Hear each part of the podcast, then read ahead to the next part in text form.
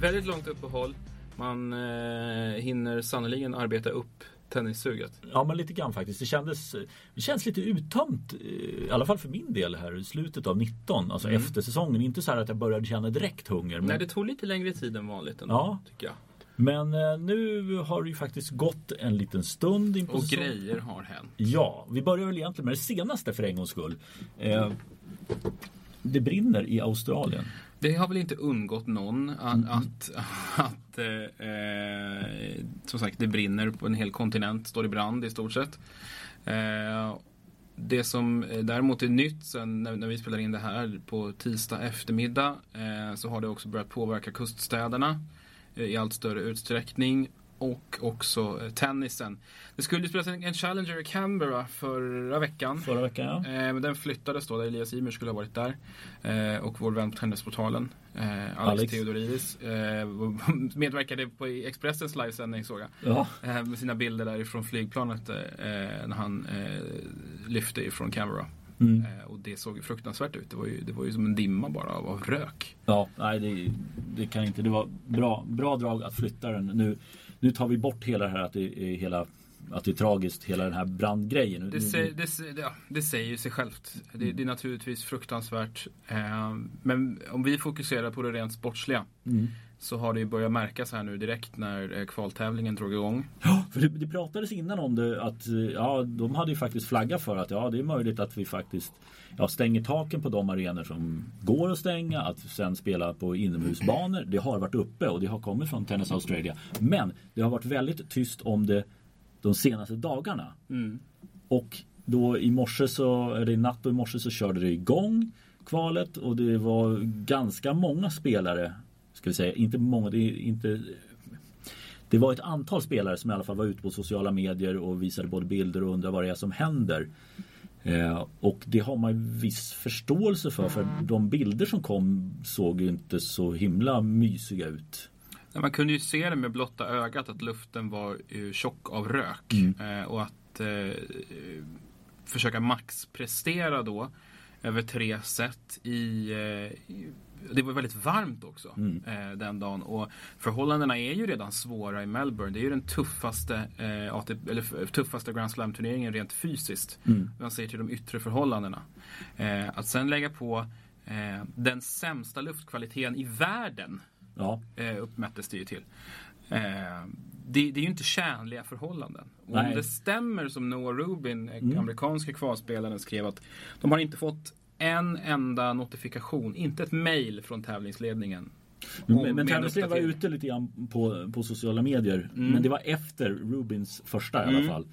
Men inför menade han att de hade inte hört någonting. Nej, när spelet märkligt. skulle starta så, så var det business as usual. Mycket, mycket märkligt. Och Elina Svitolina har ju varit en av de som ja. var ute också. En högprofilerad VTA-spelare som skriver liksom, vad ska egentligen behöva hända för att ledningen ska vakna och inse att det, det går, inte, det går inte att spela. Nej, och jag såg bilder också på Davila Jakupovic som eh, fick, eh, ja, var en väldigt jämn match i andra set. Slutet av andra set så fick hon en sån hostattack och eh, svårigheter att andas att hon vek ner sig helt enkelt. Mm.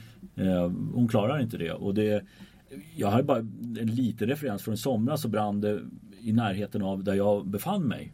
Och när vinden låg på åt det hållet, alltså det, det, det sticker i ögon och näsa och det här är ju med rök. Ja, och vi, vi minns ju alla skogsbränderna i Västmanland, mm. Bergslagen mm. För, för några år sedan och vi som är Stockholmsbaserade, både du och jag märkte ju av det. Mm. Man kände ju röklukten och, och, och, det var ju naturligtvis en, en, en fis i rymden i jämförelse med vad som pågår nere i Australien nu. Men vad tycker, vad tycker du de ska göra? Ska de stoppa det? Stoppa nu. det helt? Alltså pausa. Mm. Återuppta när det, när, det, när, det går, när det går att spela. Ja, för det, det, det ska var... ju bli bättre nu i veckan. Ja, ska sägas. det ska, prognosen ser bättre ut. Men det vet man inte. Vänder vinden så är det ett helvete igen. Mm. Eh, men eh, du tycker inte att man ska flytta in det inomhus utan det finns ju faktiskt som en av eh, spelarna, om det var Manny Minella, också en, en damspelare som var ute och sa Det finns ju två reservlag. Det går ju att spela lördag, mm. söndag. Det går att spela två ja, dag, matcher på samma dag. Jag tycker definitivt man ska utnytta dem och dessutom se över möjligheten att kunna spela på andra ställen. Det är fördelen man har av, av de här turneringarna, precis som inför eh, US Open, att det är väldigt mycket samma underlag. Alla de här turneringarna och spelplatserna har ju liksom samlats eh, under, under samma flagg. Banorna ser i stort sett likadana ut. Jag tror inte att det skulle vara någon jättestor skillnad. Eh, för, för, som det är nu så riskerar man spelarnas mm. hälsa. Eh, mm. Det är inte försvarbart, In, inte i de här förhållandena. Nej, det, det, det är ju rätt det där. Alltså, vad, vad, är, vad är det som ska hända för att för att, man ska, för att de ska uppmärksamma det. Räckte det med den här Jakubovic? Nej, tveksamt. Eh, det kommer nog behövas någonting mer, men... Eh, och det finns en sajt som heter Air Quality Index eh, som, som, som mäter då luftföroreningar globalt. Eh, och eh, Melbourne klockade då in under ett antal timmar idag på deras absolut högsta skala. Mm. Alltså hazardous. Eh, det är alltså... Håll dig inne. Håll dig inne. Eh, hazardous är alltså betydligt högre än till exempel nästa notering som var very unhealthy. Mm. Under en unhealthy och sen är det unhealthy for sensitive groups, alltså barn och, och, och gamla. Och noteringen eh, idag alltså fyra gånger högre då än, än, när man börjar tycka att det är dags för gamla och barn och, och kanske hålla sig inne. Och då ska du fysiskt maxprestera. Ja, och folk satt med andningsbasker på läktarna. Ja, nej, det, det, är, det, är inte rimligt någonstans. Man måste ta de här problemen på allvar. Ja, jag, Australian Open brukar jag hylla för att jag tycker de har ett väldigt, mm. väldigt fint arrangemang. Men det här har de inte riktigt. Det är exceptionellt, ja.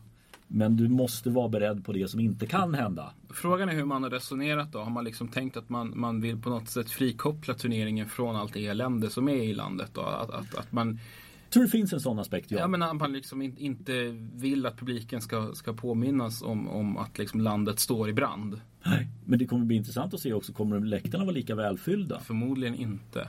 Jag tror folk drar sig för att åka till Australien så som det är nu. Mm. Jag tror att folk som bor i Australien har annat att tänka på. Mm. Det kommer nog publikmässigt sett inte att bli någon, man slår ju rekord i stort sett varje år. Mm. Eh, men, men det blir det nog inte i år, det har jag väldigt svårt att se. Ja, eh, vi kan väl i alla fall snabbt säga Elias Ymer är vår enda svenska herre i kvalspelet. Han spelar då natten till onsdag, vilket är innan eller efter vi har spelat in det här. Möter eh, Emilio Gomes. Ja, ett eh, överkomligt motstånd. Det är, väl, Ska det, vara. det är väl lite grann så det känns. Han har, han har inte fått någon eh, supertuff lottning Nej. egentligen, Elias. Eh, högst sidade spelare är Jevgenij Donskoj. Upp och ner. Otroligt mycket upp och ner. Eh, hade det varit på gräs så kan jag säga att då hade, då hade nog Elias fått spö. Eh, men Donskoj har ju varit uppe och vänt eh, en bra bit in topp 100 och, och, såg ju riktigt lovande ut för kanske 5, 6, 7 år sedan. Mm. Eh, men det var då det. Eh, så har det som du säger varit väldigt mycket upp och ner eh, och vidare tycker jag att det är svårt, svårt att veta riktigt vad man har Elias. Exakt, jag tänkte säga att Elias förlorade sin första match mm. i, i, i Challenger som flyttades från Canberra. Eh, och, så att man, man, ska inte höja honom till skyarna över att han är någon stor favorit. Men får han spelet att stämma då är en kvalfinal tycker jag fullt rimlig. Eh, och där kan det vara Polanski, Egyptien Safat, Indien Nagal. Eller Muller är det va, fransmannen. Mm. Eh, som någon av dem. Så att det, det, är en bra lottningsgrupp tycker jag han har hamnat i. Eh, men det är ju under förutsättning att han själv kan prestera eh, på topp eller nära intill. Ja, och det, och det är som sagt det är svårt att veta riktigt var Elias står någonstans. Det är svårt att veta vad man, vad man har rätt att begära av honom också. Eh, hörde du, ska vi kliva över till det som vi har eh, Ja, vi sågar väl rätt ordentligt på förhand va? Vi rundade väl av 2019 får vi väl mm. säga med att ta fram stora sågen eh, och eh, pulverisera ATP Cup på förhand. Eh, och nu är första upplagan avklarad. Mm. Jag backar lite grann. Eh, mm. På att de lyckades bygga en väldig stämning. Det verkade som spelarna uppskattade den här turneringen också. Eh, och vi fick ju se en hel del väldigt, väldigt fin tennis. Verkligen. Eh, jag tycker att den här turneringen, jag, jag, jag är också beredd att backa på, jag, jag, trodde, jag trodde inte att det skulle bli sånt här drag kring det. Eh, jag trodde inte att spelarna skulle kunna leva upp så på det här sättet som man har gjort. Man har jättefin draghjälp av Nick Kyrgios, Stefano Tsitsipas, Rafael Nadal och Novak Djokovic mm. tycker jag. Eh, Djokovic och Nadal liksom kan ju inte annat än att ge järnet så fort liksom de har eh, en flagga på, på, på tröjan. Um, och Kyrgios är jätte jättefin ut. Mm. Um, så det blev, det blev lite, det blev en publikfest och, och spelarna verkade ha kul. Eh, så att den delen av arrangemanget överraskade mig. Men så finns det ju lite baksidor också. Mm, rankingmässigt tycker jag fortfarande att det är en eh, konstig eh, konstig komponering. Men det, det kanske är en sån sak också som de ser att okej, okay, vi landar här, nu får vi vrida lite på det här för att få till det. Eh, så att eh, där var det för Bautista Gutt eh, som spelade andra singeln för Spanien. Han hade inte direkt några rackarrökare till motståndare i de matcher han hade. Nej, en av de här blåbären som, som han stötte på pulveriserar han ju med 6-0, 6-0. Mm. Eh, och det är ju inte riktigt värdigt den här nivån. Och det finns en del turister som kommer in här och eh, drar väldigt nytta av att ha en högt rankad landsman. Tjänar riktigt bra med pengar och eh, i vissa fall, till exempel i Bulgariens Dimitar Kosmanovs fall, Eh, plockar en hel del poäng också. Mm. Eh, sen så tog Kuzmanov, ska vi inte ta ifrån, man tog faktiskt en tydlig seger mot, mot eh, Darcis. Mm. Eh, Belgien hade problem med att hitta en andra man som fungerade bakom Goffin. Ja. Eh, varken Darcis eller, eller eh, Kopians funkade särskilt bra där. Men det är ju som sagt lite grann det här som är problemet. Eh, man borde ha ranking baserad på, på de två högst Ja precis, någon, någon form av snitt eller ja. no, någonting sånt som man skulle kunna få till bättre för då hade det kanske kunnat se lite annorlunda ut. Nu har vi inte gjort någon uträkning på det men det borde ha kunnat varit eh, det säg två högsta eller tre högsta singelspelarna att man skulle slå ihop någonting där. Eh, måste återigen, jag tycker de, det känns som att de hade adderat lite av det här Lever Cup momentet att du hade bänken i stort sett mm. bredvid. Mm. Eh, tyckte jag var en, en rolig detalj. Som, Undrar om Stefano Tsitsipas pappa tyckte det var lika kul. Eh, sådär va. Att han kom undan den grejen. Ja, faktiskt. inga böter eller någonting. Nej. Det kan man ju häpna inför. Alltså. Ja, det är jättemärkligt. Och vi minns ju Chapovalovs misstag i Davis Cup där han skickade bollen på domaren och blev utplockad från banan. Med all rätt. Antar att tävlingsledaren tyckte att det var nog att morsan kom och skällde på honom direkt. Ja, Precis. Nej, det, där, det var, men, men det, där, det, det, var en sån sak som är konstig. Där tycker jag ATP är lite dåligt. Att... Ja, inkonsekvent. Hade det varit Nick ja. Kyrgios, vad hade hänt då? Ja men det hade han fått han, har, han har ju han har en eh, vad får man säga, villkorad avstängning. Eh, så att eh, han hade ju rykt all världens väg. Men det är inte rättvist. Riktigt så ska det inte gå till. Nej, det ska det inte. Men, men just rankingmässigt är väl, är väl det som är problemet där att du kan få. Nu var det, det skiljer ju väldigt mycket. Det var ju rätt intressant. Mm. Jag tror Djokovic fick och hade 335 poäng fler än vad uh, Bautista Agut fick till exempel. Mm. Eh, vilket diskuteras lite grann på sociala medier såg jag för att det är ju inte Bautista Agut straffas då för att han, han väljer ju inte vilka motståndare det är och det gör ju inte en Grand Slam heller och så vidare och så vidare. Eh, en liten poäng i det ja, förstås. Jag håller, håller, med om det också. Och sen det här faktumet att eh, de, den här turneringen räknas utöver alla andra turneringar ja. som man då får lista upp mot sin världsranking. Precis, det är 18 plus 1 för de här spelarna. Ja, så att alla som har varit med här tycker att det är väl ingen grej. Men de som inte var med i den här turneringen tycker att det är dåligt. Mm. Eh, Riley Opelka är väl den som har varit mest kritisk. Mm, han var eh, ganska hård. Ja, han, han gillar inte det här alls. Eh, jag har sett att, att Elias Ymer har, har likat och retweetat lite sådana grejer också. Så mm. att, eh, de, de, de, som inte kom med här eller inte kunde vara med eller inte ville vara med eh, är klart mer kritiska än de som faktiskt var där. Eh, de, de verkar ha haft kul. Utom Zverev då som spelar bedrövligt. Ja, fy tusan vad dålig han varit. Ja, känns inget bra det där alls. Uh, vad, vad, vad, ska han göra då? Kommer han hitta det? Det kändes ju som att de var på väg tillbaka i höstas. Vi, vi berömde ju honom ändå för sättet att han hade fått rätsida på sin säsong under hösten och spelade ju faktiskt riktigt bra tennis mot slutet av säsongen. Men eh, nu är det ju väldigt mycket tillbaka i gamla synder. Eh, var det Belinda, var det Belinda Bencic som, som hade hakat på den här trenden och samlat in pengar eh, för, ja. till offren för eh, brandkatastrofer och sagt att jag, jag, jag slår inga S men, men kommer att ge en summa för varje dubbelfel. Ja, och du hakar väl på Alex? Ja, ja det kommer en hel del var... varianter faktiskt. Ja. Nej, det var fin uppslutning måste vi säga. Ja. Eh, och passningen till Sverige tycker jag var jätterolig. Den var bra. Var, var Alice Cornet slängde in. Jag gör inga S men jag, för varje stoppboll tror jag jag slår mm. så, så ska, det, ska det lastas in lite pengar. Eh, och ATP gick ju in efter ATP Cup också. Och, eh, det var Djokovic och Nadal som annonserade Precis, det. Djokovic, eh, bra jobb som ambassadör, sedvanligt vältalig eh, och håller i det där på ett fint sätt tycker jag. Så att eh, jag, jag, jag, jag har inte jag ska säga att, att, min kritik har väl mattats lite efter mm. första upplagan. Eh, jag, vet inte, jag tycker fortfarande inte att den här turneringen är helt nödvändig. Eh, och att det finns väldigt mycket att ta tag i och jobba med för att göra den bättre om den nu ska vara kvar. Mm. Eh, men utfallet och, och liksom spelet och publikupplevelsen och de matcher jag fått se har varit, varit jättepositiva. Det kan man inte snacka bort. Dödar det här Davis Cup? Det är inte bra för Davis Cup. Nej. Eh, det är det ju inte. Eh, den här turneringen har ju faktiskt fått mycket mer uppmärksamhet. Det har den. Den Eh, ligger bättre till på kalendern också. Intressant, jag såg eh, också här i, i runt nyår så såg jag Stakowski som hade gjort något längre uttalande. Nu ska man inte ta han som en sanningssägare i alla sammanhang och kan väl vara både upp och ner. Ja, han ska ju ge ut vin också. Apropå ingenting. Men han hade en att det här var typ någonting som då de här Piqué, gänget runt Piqué och Piqué hade presenterat för ATP en gång i tiden. Eh, Ja, det är ju lite intressant. Ja. Eh, Men så blev det någon fnurra på tråden och ATP gjorde någonting där och sen så gick de olika vägar fast det här är då något liknande det som de presenterade. Vilket också snurrar till det rätt mycket för mig. Verkligen.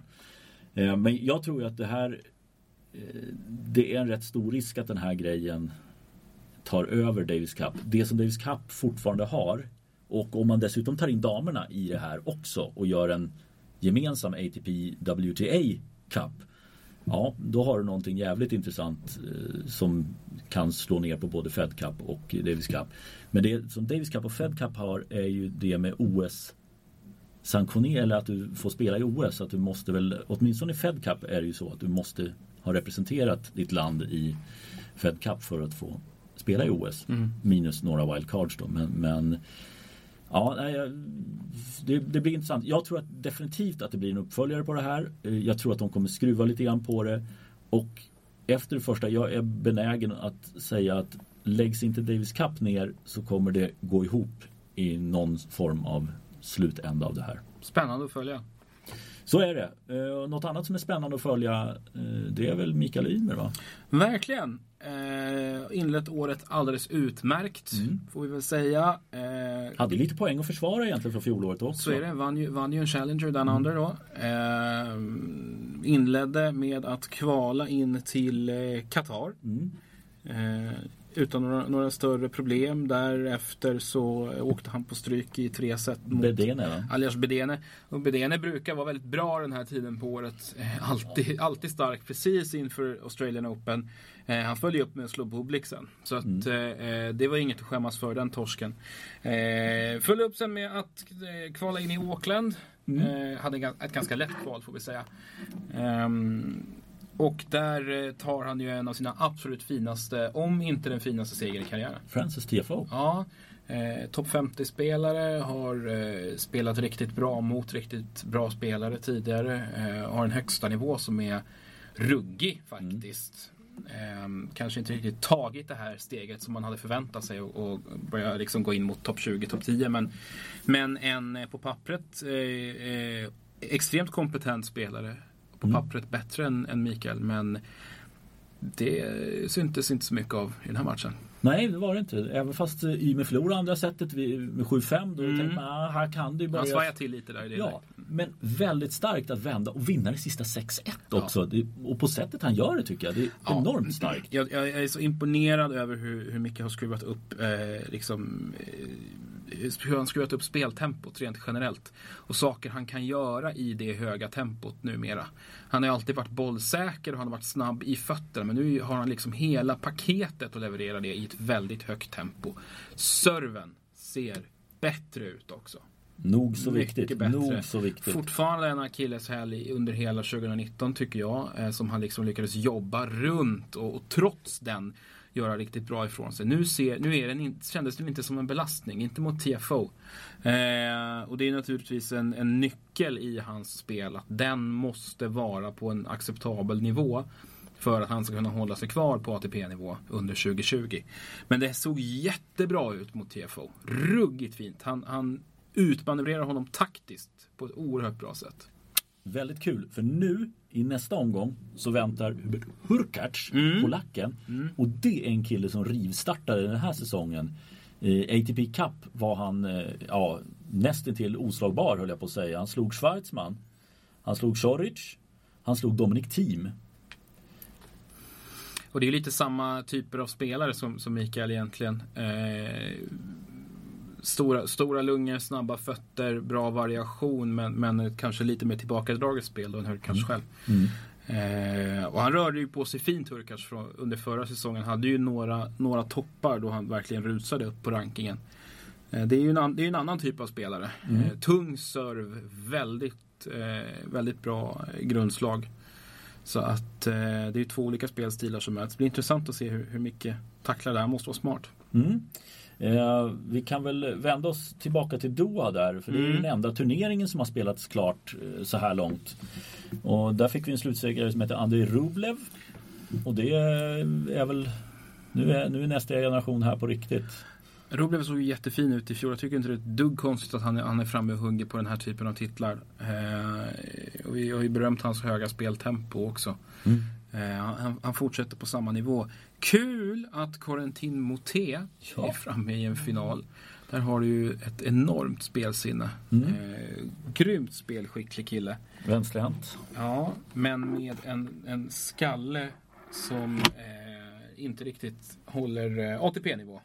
Nej, men eh, förvånansvärt gjorde det här och det, nu ska sägas att Doha, det här måste vara det sämsta startfältet i Doha på 20 år, 30 år höll jag på att säga, sedan turneringen startade. Eh, för det var Wawrinka var första sidan här och det har ju det här ATP Cup eftersom det sög upp väldigt mycket och jag kan tänka mig också att många spelare tycker det är skönt. De kommer ner direkt till Australien.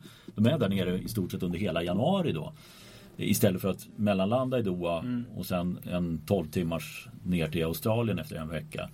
Det som eh, Dohas eh, ständiga fördel har ju alltid varit liksom en väldigt välfylld pengapåse. Mm. Eh, de har naturligtvis varit otroligt fina startpengar för de spelare som har dykt upp där, vilket har varit alla som, som har varit någonting att, mm. ha egentligen de sista 20 åren. Ja.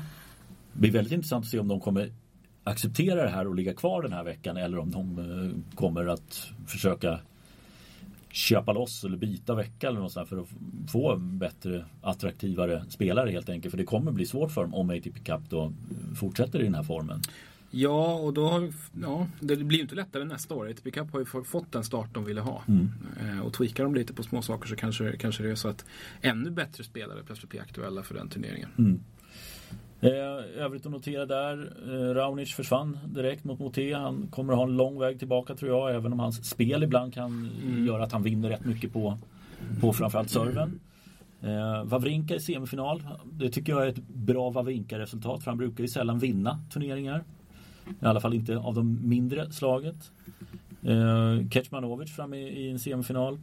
Mm, det är intressant att följa honom, honom eh, den här säsongen också. 6-2-6-0 mot eh, Marton Fusovic mm. eh, i eh, kvartsfinalen där. Ja, inte dumt. Inte dumt alls. Ytterligare en serb alltså, Kecmanovic. Eh, hörru du, nu gör vi den här lite kortare den här podden mm. för vi har ju tänkt till också.